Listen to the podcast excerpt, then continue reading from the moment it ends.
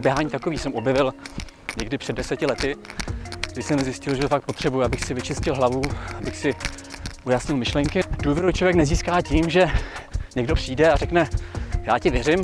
Ta důvěra se získává takovou kontinuální neustálou prací a přesvědčování tím, že to děláme dobře, že to chceme dělat dobře a hlavně, že jsme transparentní, že se nesnažíme zakrývat nějaké problémy, ale otevřeně je komunikujeme, řešíme a spolupracujeme právě s panem Erdlem a s kolegy z Německa opravdu jako partneři a je to takový perfektní vztah na úrovni. To bylo to velké uspokojení, jak pro nás, kdo jsme mohli být u nějakého řízení projektu, tak pro všechny zaměstnance v Pulzu, protože oni věděli, proč zůstávají o víkendech v práci, proč mají prodloužené směny a pracují přes Velikonoce, protože věděli, že dělají na dobrým, dobrým úmyslu.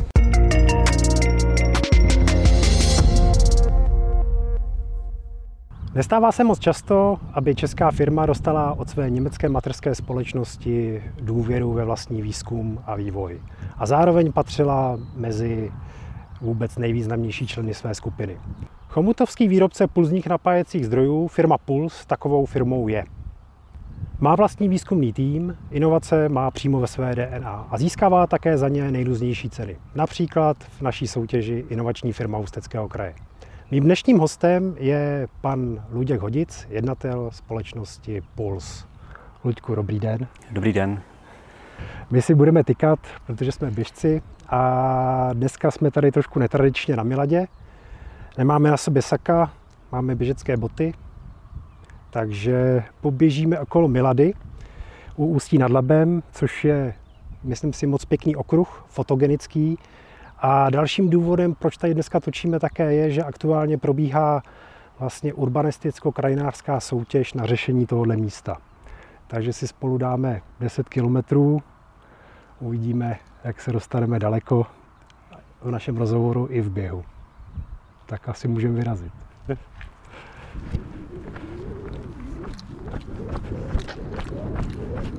Lučku, zeptám se na tebe a na běh. Eh, když jsi začal běhat, jak dlouho běháš a co ti to dává vlastně?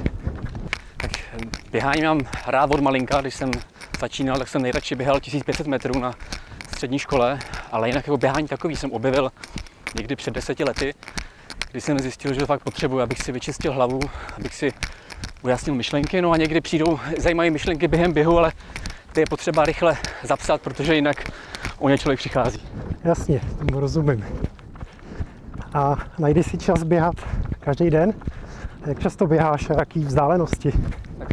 Bylo by to hezký mít na to čas každý den, ale většinou vyjde čas o víkendu, někdy na večer, tak dvakrát, třikrát v týdnu to stihnu. No a závody nebo běhání nějak rychlejc.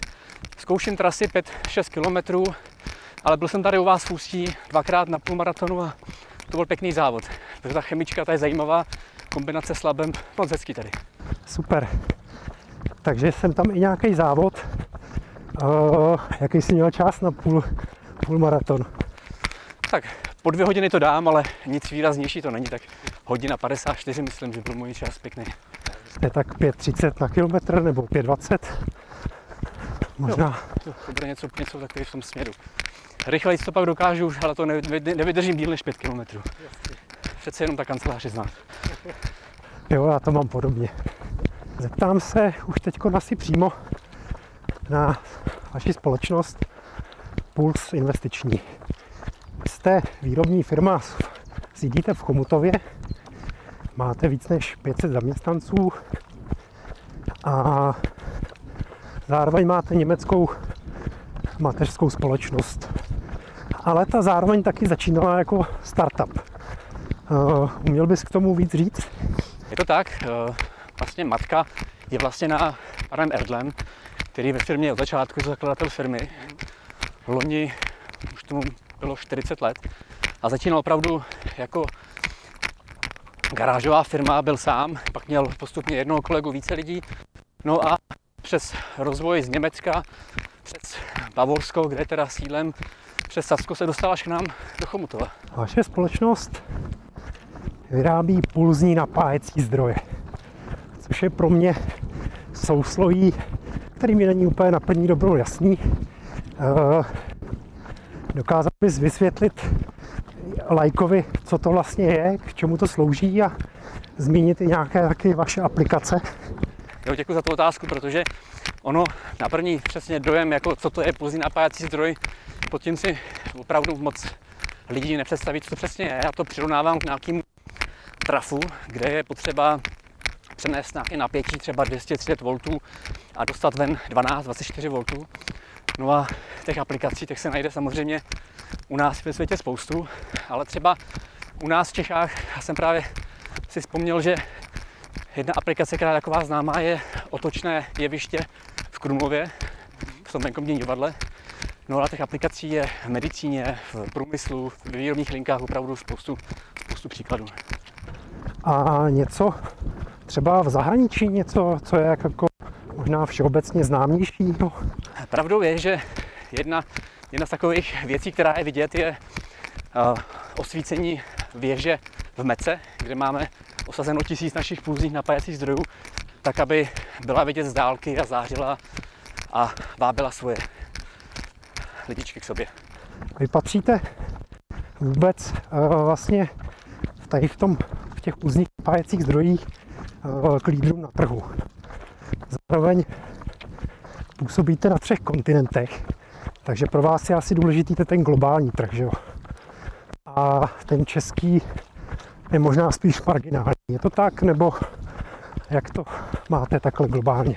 Je to tak, přece jenom jsme v porovnání s německým trhem, francouzským, hodně malá zemička, ale uh, lídrem na trhu, já bych řekl, že obrovským hráčem jsme na trhu v Severní Americe, potom je ta Evropa naše a samozřejmě Ázie. Ázie se rozrůstá pomalu, ale postupně tam získáme větší a větší podíl. Možná ten řetízek totiž. No taky. On mi tam ten řetízek totiž do toho, jak mi to, tak mi tam cinká ten řetízek prostě do toho. tak jo, to jsou věci. Buď dobrý. Teď Takže, uh, vy jste přece jenom firma, která působí globálně. Působíte na třech kontinentech, kde vlastně všude máte pobočky, kde působíte.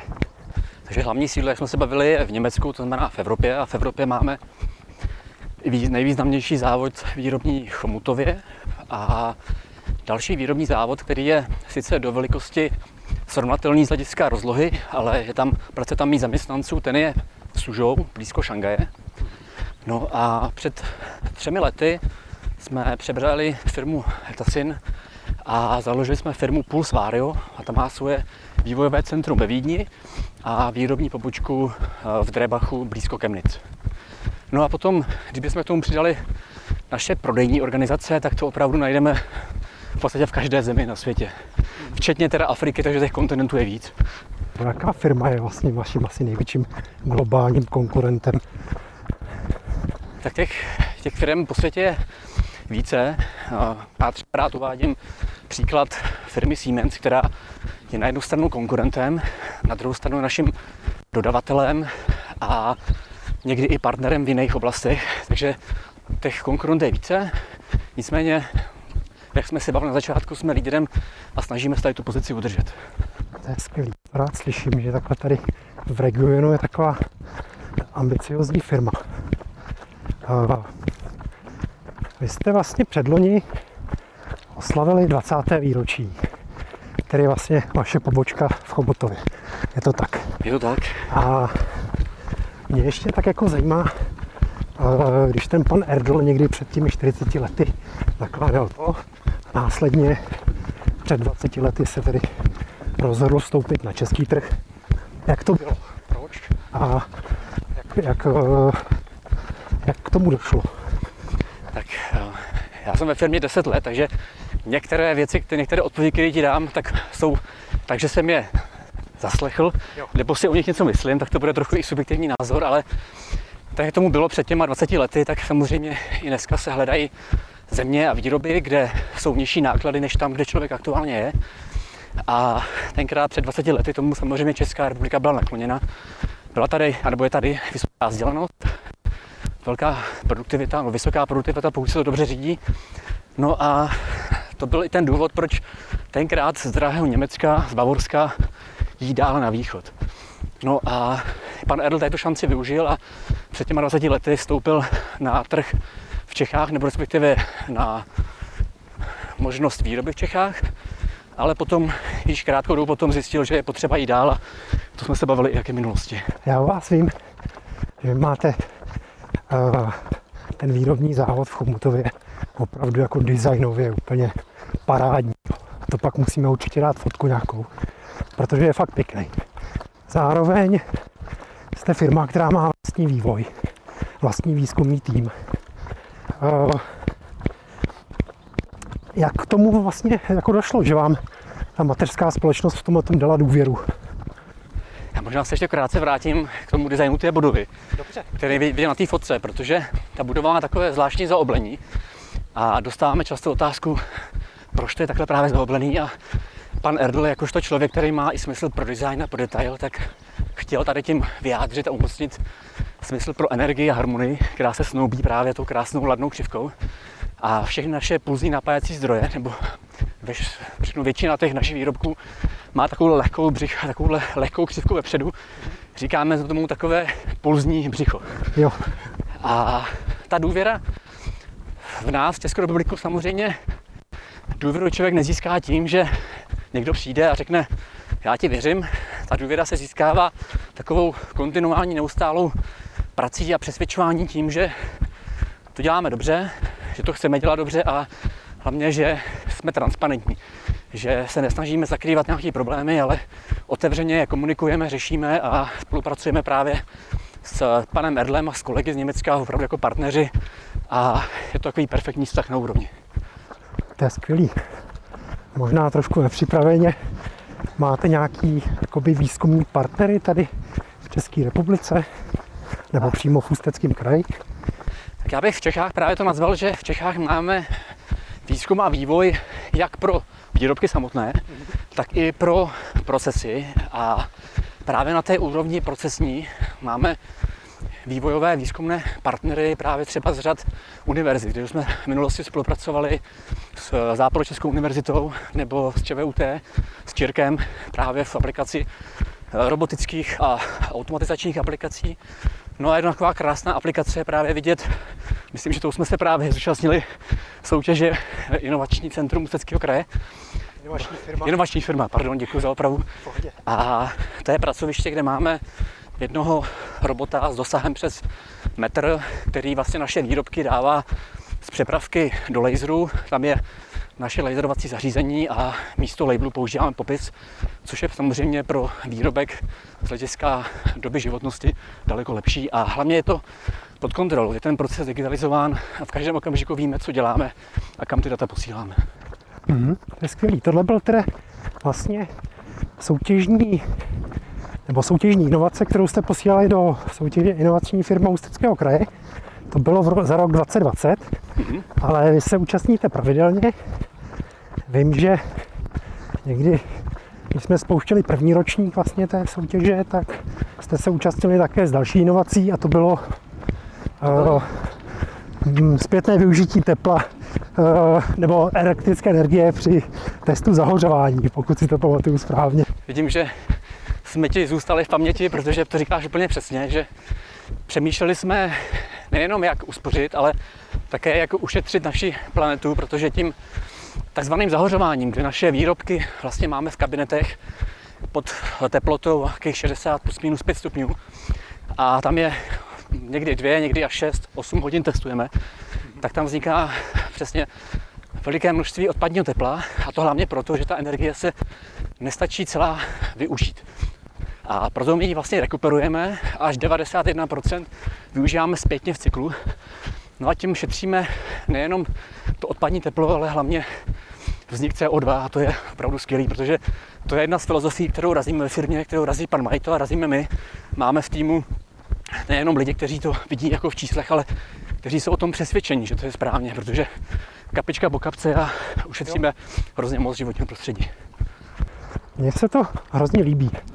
Uh, vlastně na těch obou inovacích, uh, jak to ta rekuperace, tak ta robotizace je vidět takový jako zájem o trošku jako trendy, které jdou i současným, současnou globální ekonomikou, eh, tedy ze starost o životní prostředí, o nějakou uhlíkovou stopu a zároveň, že eh, robotizace, digitalizace je tohle jakoby vaše klíčový téma právě ve firmě. Na to životní prostředí už si asi odpověděl, ale i ta robotizace, jak pro vás jako je důležitá?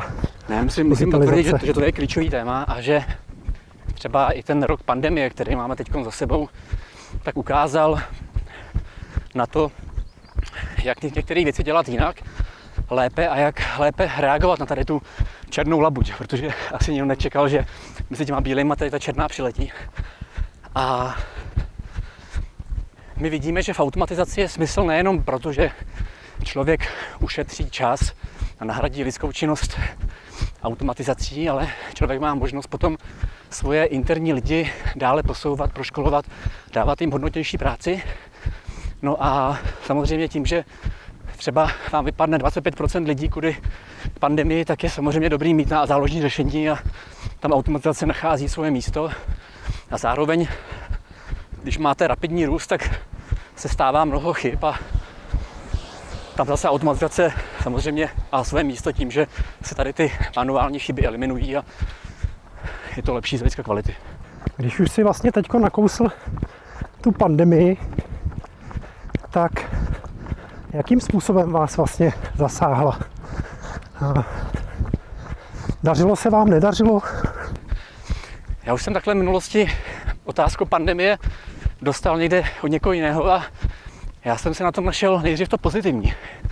Co, co může být pozitivní na pandemii, ale ta pandemie nás vlastně zasáhla, začala v době, kdy jsme byli nepřipraveni, kolegové v Číně byli na oslavách čínského nového roku a začali hlásit z Číny nějaké problémy, že tam se rozjíždí nějaká pandemie.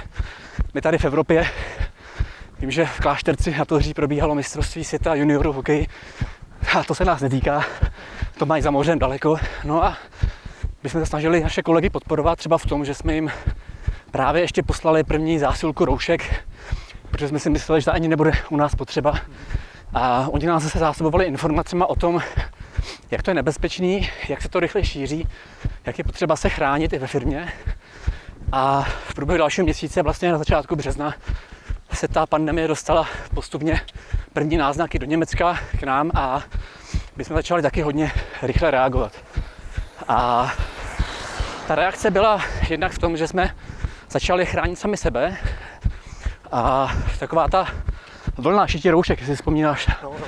tak ta byla krásně i v Čechách v Pulzu, kdy my jsme nejdřív šili roušky sami pro sebe a pak jsme poslali asi 800 roušek i kolegům do Mnichova, protože tady nebyli dostání a tam bylo hezky to semknutí, když všichni chtěli pomáhat každému a to na tom bylo to hezký. Super. Teď se dostaneme ještě k jednomu tématu, který souvisí s tou pandemí. Ono to není v Ústeckém kraji moc známo, ale já vím, že jste se podíleli taky nějakým způsobem na vývoji vlastně toho e, dýchacího ventilačního přístroje Corovent, který vznikl z iniciativy vědců okolo skupiny COVID-19 a e, veřejnost to hodně podpořila. Hm, jak jste se na tom podíleli a jak to vůbec vzniklo? Jo, to byla taky zajímavá, zajímavá story, protože tak jak člověk má kontakty a ani pořádně neví, tak jeden kontakt z ČVUT se odkázal na kolegu z práce, který pracuje v oddělení oprav přístrojů a říkal, prosím tě, my jsme se v minulosti setkali, zabývá se problém, potřebujeme vyřešit napájení nově vznikajícího přístroje, potřebujeme zachraňovat lidské životy. No a kolegové teda se velice rychle sešli, zamysleli a našli možnost, jak napájet plicní ventilátor a zároveň jak udělat možnost i zálohování energie. Znamená nadizajnovat tam přístroj z baterií a pokud by třeba selhala napájecí síť, tak jak třeba ještě ten ventilátor nechat 30 nebo i 60 minut běžet ze záložního zdroje. No tady ten projekt vznikl velice rychle. My jsme toho byli v podstatě už v březnu, vím, že byly pak Velikonoce, že jsme pomáhali nastavovat parametry přístroje, tak aby to běželo. A vyrobil se prvních pár prototypů. Nicméně později jsem tak zaznamenal, že bylo těžké dostat ty ventilátory do provozu, protože tam bylo hodně administrativních brzd a jedna z nich byla certifikace a možná i taková trochu politická nevůle. Hmm. To jsem vnímal asi podobně. Takže považuješ to spíš... V pohodě, jestli nepůjdu doprava. Pohodem doleva. Tady to je lepší doleva. A považuješ to teda jako za nějaký jako úspěch, nebo prostě spíš překon, přetrvává nějaká možná pachuť z toho, jak to dopadlo, nedopadlo? Byly tam nějaké náznaky toho, že člověk byl smutný, že to nedopadlo v tom velkém rozsahu, jak jsme si představovali. Nicméně, díky firmě, která převzala právě montáž a patron nad tím projektem, jsme se dostali k nějakým statistikám a víme, že ty přístroje potom, nebylo jich mnoho, ale dostali se do ostrého nasazení v českých nemocnicích a tím pádem jsme se dostali k té misi a naplnili, že to zachránilo několik lidských životů a to je na tomto hezký. To, to bylo to velké uspokojení, jak pro nás, kdo jsme mohli být u nějakého řízení projektu, tak pro všechny zaměstnance v Pulzu, protože oni věděli, proč zůstávají o víkendech v práci, proč mají prodloužené směny a pracují přes Velikonoce, protože věděli, že dělají na dobrým, na dobrým úmyslu. Jasný. Já teď přemýšlím, jestli mám pokládat další otázku, protože nás jsme na 3,5 kilometru. A čeká nás teď takový, no, dobrý kilometr, tři čtvrtě kilometru do kopce. Můžeme si to dát až tam nahoře. Možná až to bylo lepší, protože vidím, že občas jedu na kyslíkový jídlu, když ta no, otázka je když člověk, když člověk mluví, tak to nejde. Jako tempo máme vlastně docela pohodový, ale člověk u toho nesmí furt mluvit. No. Ano, ano. A jenom cítím, jak postupně červenám a potím se. no já už, já už teču. Jako. Ještě až proběhneme tady tím sněhem, tak si dáme tu otázku toho globálního dopadu. Snad tady to není žádný. Ale to dáme až nahoře, tady ještě půl kilometru do kopce. Takže bych se jenom pak napil potom. Tak se tady se klidně napij a tak já se napiju tady, vyběhneme nahoru. Díky. A tam to zase bude jo, se obsloužím. pohodička, skopečka potom. Já teda z toho auta jde nějaký teplo nebo co? Sálá to.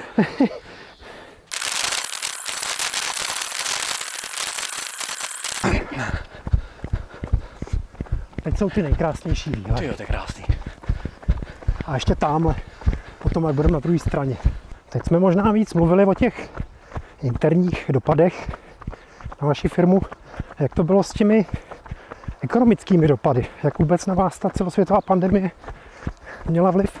Tam se vrátím do března 2020, když to celé začalo a stejně jako ostatní firmy jsem byl na začátku v nejistotě, kam to povede, protože se omezovaly samozřejmě pracovní doby, zastavil se automobilový průmysl a dneska to je všechno provázaný, takže jsme taky nastartovali takový trend opatrnosti.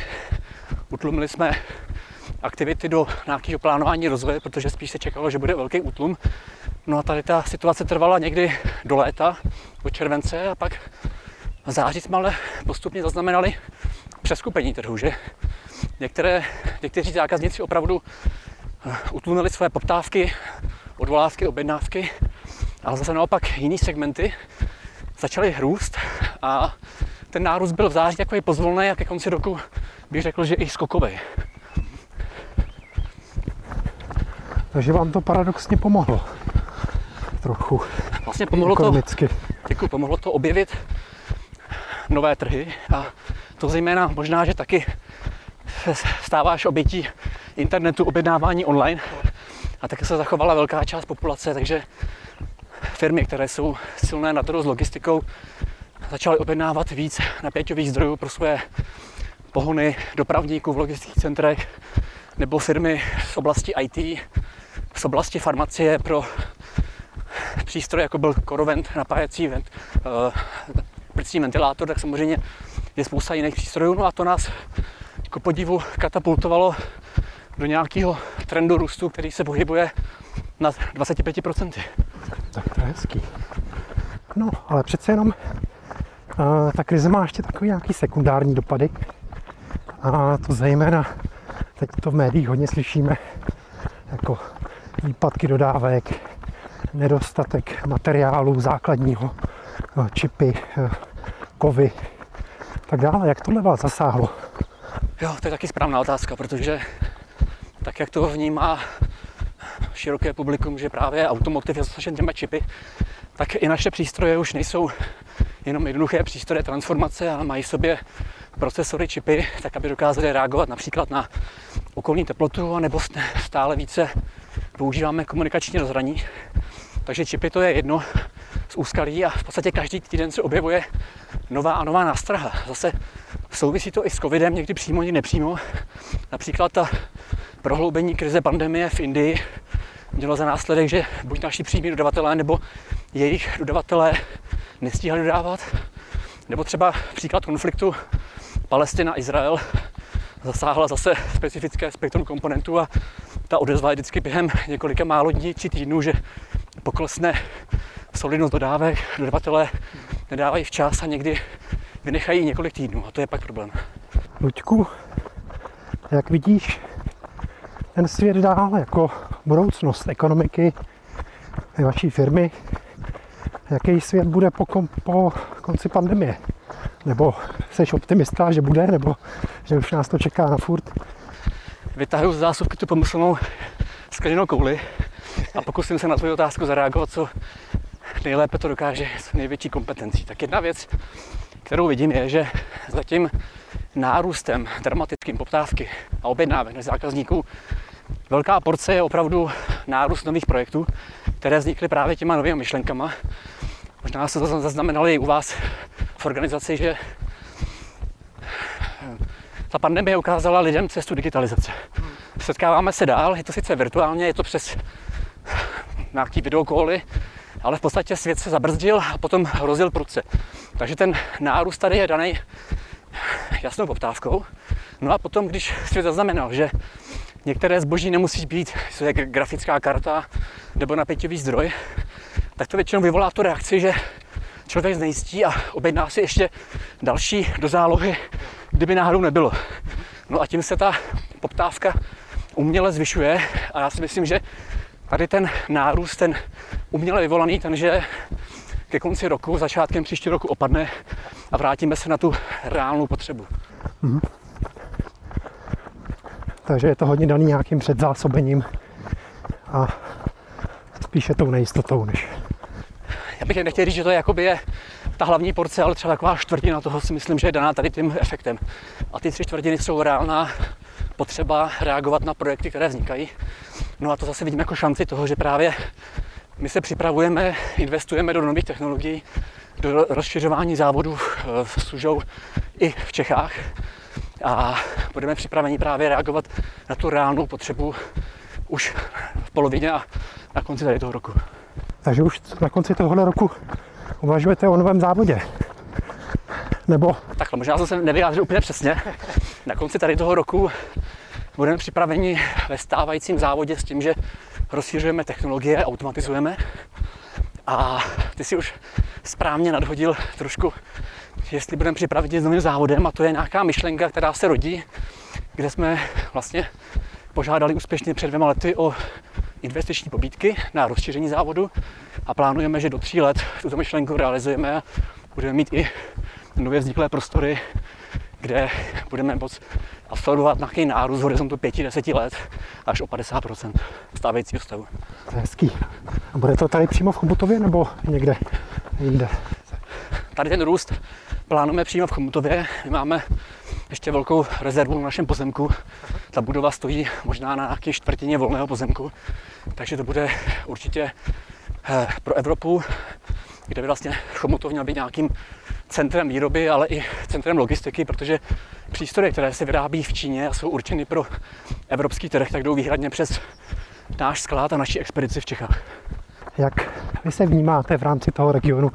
Vnímáte se jako ceřinka globální firmy, anebo jste úzce spjatý s tím regionem i díky tradici, že jste tady vlastně pokračovateli nějaké firmy, která tady dříve už působila. Jak to máte se celospolečenskou odpovědností v rámci regionu? Tak nechci reagovat jako nějak přehšle ambiciozně, protože si myslím, že zdravá pokora je vždycky potřeba a samozřejmě jsme závislí jak na matce, tak ale si dokážu představit, že ta odpověď zní, že jsme tady autonomním silným hráčem v regionu. Zaměstnáváme už přes 400 zaměstnanců, blížíme si 500 a myslím si, že jsme solidní zaměstnavatel, kam se lidi, kam lidi rádi chodí a zároveň se nám i vrací to, že máme silnou firmní kulturu a zaměstnanci se k nám vrací i třeba po nějakých zkušenostech roku, dva, někde jinde venku, protože si myslím, že člověk nemá bránit rozvoji, když člověk hledá rozvoj jiným směrem, tak to má zkusit. A zase je dobře, když zjistí, kde je doma a kam se dát domů vrací. Takže takovýhle, takovýhle to máme a ta firmní kultura je silná, orientovaná na individualitu. No a jak si naznačil, jestli jsme nějak prospěšní i regionu, tak máme za sebou hodně projektů, které jsme realizovali a které stále běží a to je třeba rozvoj v rámci školství, kde třeba projekt Elixir do škol má za cíl podporovat učitele vyučující fyziku, kde jsme založili buňku fungující v Chomutově. Podporujeme jak exkurze od školek, základní škol až po střední školy nebo i vysoké školy, kde si můžou ty uchazeči opravdu sáhnout na aplikaci, seznámit se s tím, jak funguje pulzní napájecí zdroj, ale jak funguje právě třeba i vývoj automatizace u nás, kde jsme, máme hodně eh, kolegů silných v programování, v programování Raspberry, Arduino, jsou aplikace, které jsou denním chlebem našich vývojářů. Jak se vám daří získávat nové pracovníky? Berete třeba absolventy nějakých uh, elektrotechnických průmyslovek? Uh, je v tom nabídku, nabídka dostatečná? Nebo máte jako většina firm problém s uchazeči přímo ze škol, nebo že jich je málo? Tak určitě bych lhal, kdybych řekl, že to je jednoduchý, protože ta potřeba pro nových zaměstnancích ta je veliká a já bych to možná rozdělil na poptávku po zaměstnancích přímo do výroby, kde jsem se zrovna dneska díval na statistiky, kdy v Ústeckém kraji je daleko méně uchazečů o práci, než kolik je volných pracovních míst. To znamená, že je tam ten převis opačný, a když možná dneska je ta nezaměstnanost u nás kolem 6%, tak vlastně pracovníci dneska na trhu moc volní nejsou. A to máme teď problém jak v výrobě, tak ale i v těch pozicích, na kterých se ptal v té otázce z hlediska uchazečů po absolventu po školách. My spolupracujeme s vysokými školama i na úrovni nějakých exkurzí a praxí, to znamená, že pokud uchazeč píše třeba bakalářskou práci nebo diplomovou práci, tak má možnost být už přímo u nás a seznámit se s prostředím a třeba najít budoucí zaměstnání. Hmm. Věřím, že to teď není těžký. No, lehký teda. tak. Možná malinko zvolně, jo, jasný, jo. Protože už se tím, že odpovídám Ale, dlouho. Tak no, už... já tam mám dvě otázky v podstatě asi jenom. Tam jsme začínali, jo, tam v tom rohu. No, no, no. A tam skončíme. Oni to udělali hodně citlivě jakoby ke krajině. A dokonce je to už teď jako nějaký přirozený biotop pro vodní ptactvo. Tady prostě v zimě to jsou úplně hejna ptáků, který tady to a jako různý druhy. Luďku, vy působíte globálně v Číně, v Německu, v Rakousku. Pozoruješ v tomto směru nějaký nevím, interkulturní rozdíly mezi manažery, obchodováním, jednáním s partnery? Jaký jsou tam podle tebe příležitosti nebo naopak rozdíly? Určitě, já děkuji za tu otázku, protože já mám hrozně rád ty otázky na to interkulturní vnímání. Protože jsem si prošel v minulosti i německými firmami, pracoval jsem v Německu a pak vlastně v Čechách i jednu částečně německo-americkou firmu. A člověk si prošel nějakýma interkulturníma tréninkama, kde do něj vlastně jakoby hustili, zkoušeli mu naočkovat to porozumění pro jinou zemi. A já jsem si toho odnes, že často se na těch trénincích zmiňují kliše, které jsou obecně zažitá, ale v podstatě v praxi úplně nefungují, protože když člověk vnímá pokoru sám sobě a potom těm ostatním a je slušný k ostatním a snaží se vnímat, vnímat, co asi je normální a co už asi je trochu výstřední jako v té v firmě nebo v té v kultuře, tak v podstatě tak nejdál dojde. Prostě vnímat, učit se a dávat to zpátky. Takže povinná výbava manažera, nějaká emoční inteligence. Tak bych, tak, bych, tak bych to možná jednoduše skrnul. A pak samozřejmě je dobrý, když člověk se s kolegy baví a na některé otázky zeptat může přímo, na některý se je dobrý neptat se a vytušit je, ale mám zkušenost, že třeba kolegové v Číně, u nás máme stabilní management, pracují tam už přes 10 let a někdy se mi stává, že člověk, který přijde do firmy, tak si říká, ale ty naši kolegové v Číně, ty už mají německé myšlení a když tam naopak je třeba manažer, který je německý a v Číně byl už 18 let, tak něm vidím Číňana. Takže to je jaký zajímavý, zajímavý pohled. A co v Německu? Je to hodně rozdílný, nebo už se ty rozdíly za tu dobu otevřených hranic mezi Českem a Německem slily? No my jsme tady region, který leží samozřejmě blízko Sasku. Sídlíme tady, máme pobočku z Rebachu, což je to krásný Erzgebirge, kde mají i tu svůj Erzgebirgiš a mají trochu jinou mentalitu. Ale tam je pak naopak hezký a zajímavý pozorovat ne ty rozdíly mezi Českem a Německém, ale mezi Saskem a Vorskem. To je ještě víc zajímavý, protože oni se vnímají ještě pořád do dneška, když to neřeknou nahlas, mezi západem a východem. A to je taky zajímavý aspekt, který asi bude jaký provázet ještě pár let. Ty asi nejsi přímo tady odsud z regionu, nebo je, jak jsi sem dostal, nebo se pletu? Tak já jsem původem z východních Čech, přímo z Chrudimi, kdy vlastně maturoval jsem v 17 letech a v 18 jsem teda šel na vysokou školu do Prahy. A v rámci těch studijních pobytů jsem dostal šanci přes tenkrát evropský program Erasmus se zúčastnit pobytového, pobytové stáže v Německu, právě v Chemnitz.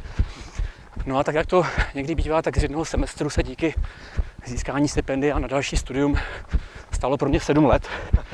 A první setkání se saskou kulturou a s Kemnicem, možná tak, když to člověk jenom projíždí tím Saskem nebo tím Kemnicem přímo, si řekne, to, to město je takový zvláštní, tam vidí tu sociali, socialistickou architekturu inspirovanou západem, kde tam jsou jakoby široké třídy, ale prázdné. Tam prostě Německo se říká někdy, že taková největší vesnice, která měla za dobu svého vzrůstu nějakých 300 tisíc obyvatel. V dnešní době tam 50 tisíc obyvatel odešlo na západ, že tam je asi 250 tisíc.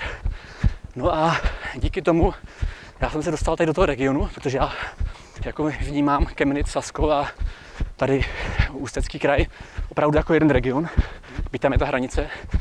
No a tam jsem se seznámil s mojí současnou ženou, manželkou, která pochází z klášterce na Toří a když se nám potom narodili, narodilo druhé dítě bydleli jsme u Prahy, tak jsme nějak si řekli, Praha je hezká, ale chtěli bychom někam tam, kde jsme vyrůstali a když se nabízelo Chrudim, klášterec a protože jsem znal tenhle region právě z doby studií z Chemnitz, tak jsem si říkal, je tady hezky a se mi potvrdilo. My tady dneska běžíme kolem Milady a ty jsem prvně, ale zase to jenom potvrzuje ten můj pozitivní přístup a vnímání toho, že tady fakt je hezky a děkuji, že jsi mě vytáhl sem a netrávíme tady ten teplý den někde v kanceláři nebo v natáčecím studiu, ale máme možnost tady pozorovat a bavit se takhle při Já díky moc, že jsi přijal pozvání. My jsme akorát vyčerpali naše otázky. Blíží se konec 8 kilometru a nastupuje nám kopeček. Takže ještě jednou moc díky. Rád jsem s tebou běžel. Zajímavý rozhovor. A s našimi diváky a posluchači se někdy těším na shledanou buď u dalšího běhu, anebo ve studiu. Ahoj. A také moc děkuji, mějte se hezky. Ahoj a naschledanou.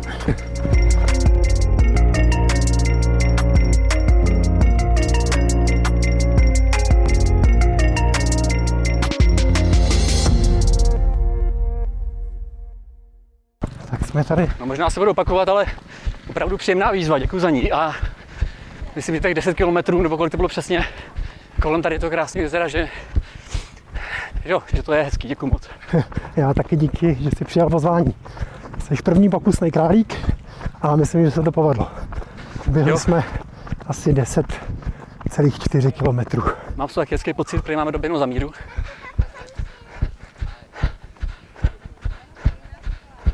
Takže druhý kolo. Děkuju. Taky. Jo, díky moc. Pěkný jezero. Super běh. Doporučuju. Konec? Konec. Klapka, díky.